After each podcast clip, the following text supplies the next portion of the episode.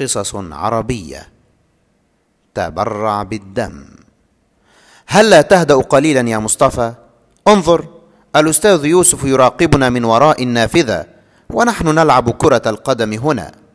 إنها لعبة وليست معركة حياة أو موت. لم يهتم مصطفى بهذا الكلام بل إن هدفه من اللعب الفوز فلا بد أن يحرص عليه. فهو يعاقب المخطئ فورا. وإذا غضب تجنبه أصدقاؤه والفرق المنافسة أيضا. ومن لا يمرر الكرة في الوقت المناسب أو لا يتخذ موقعا مناسبا للتهديف ينل نصيبه من توبيخه.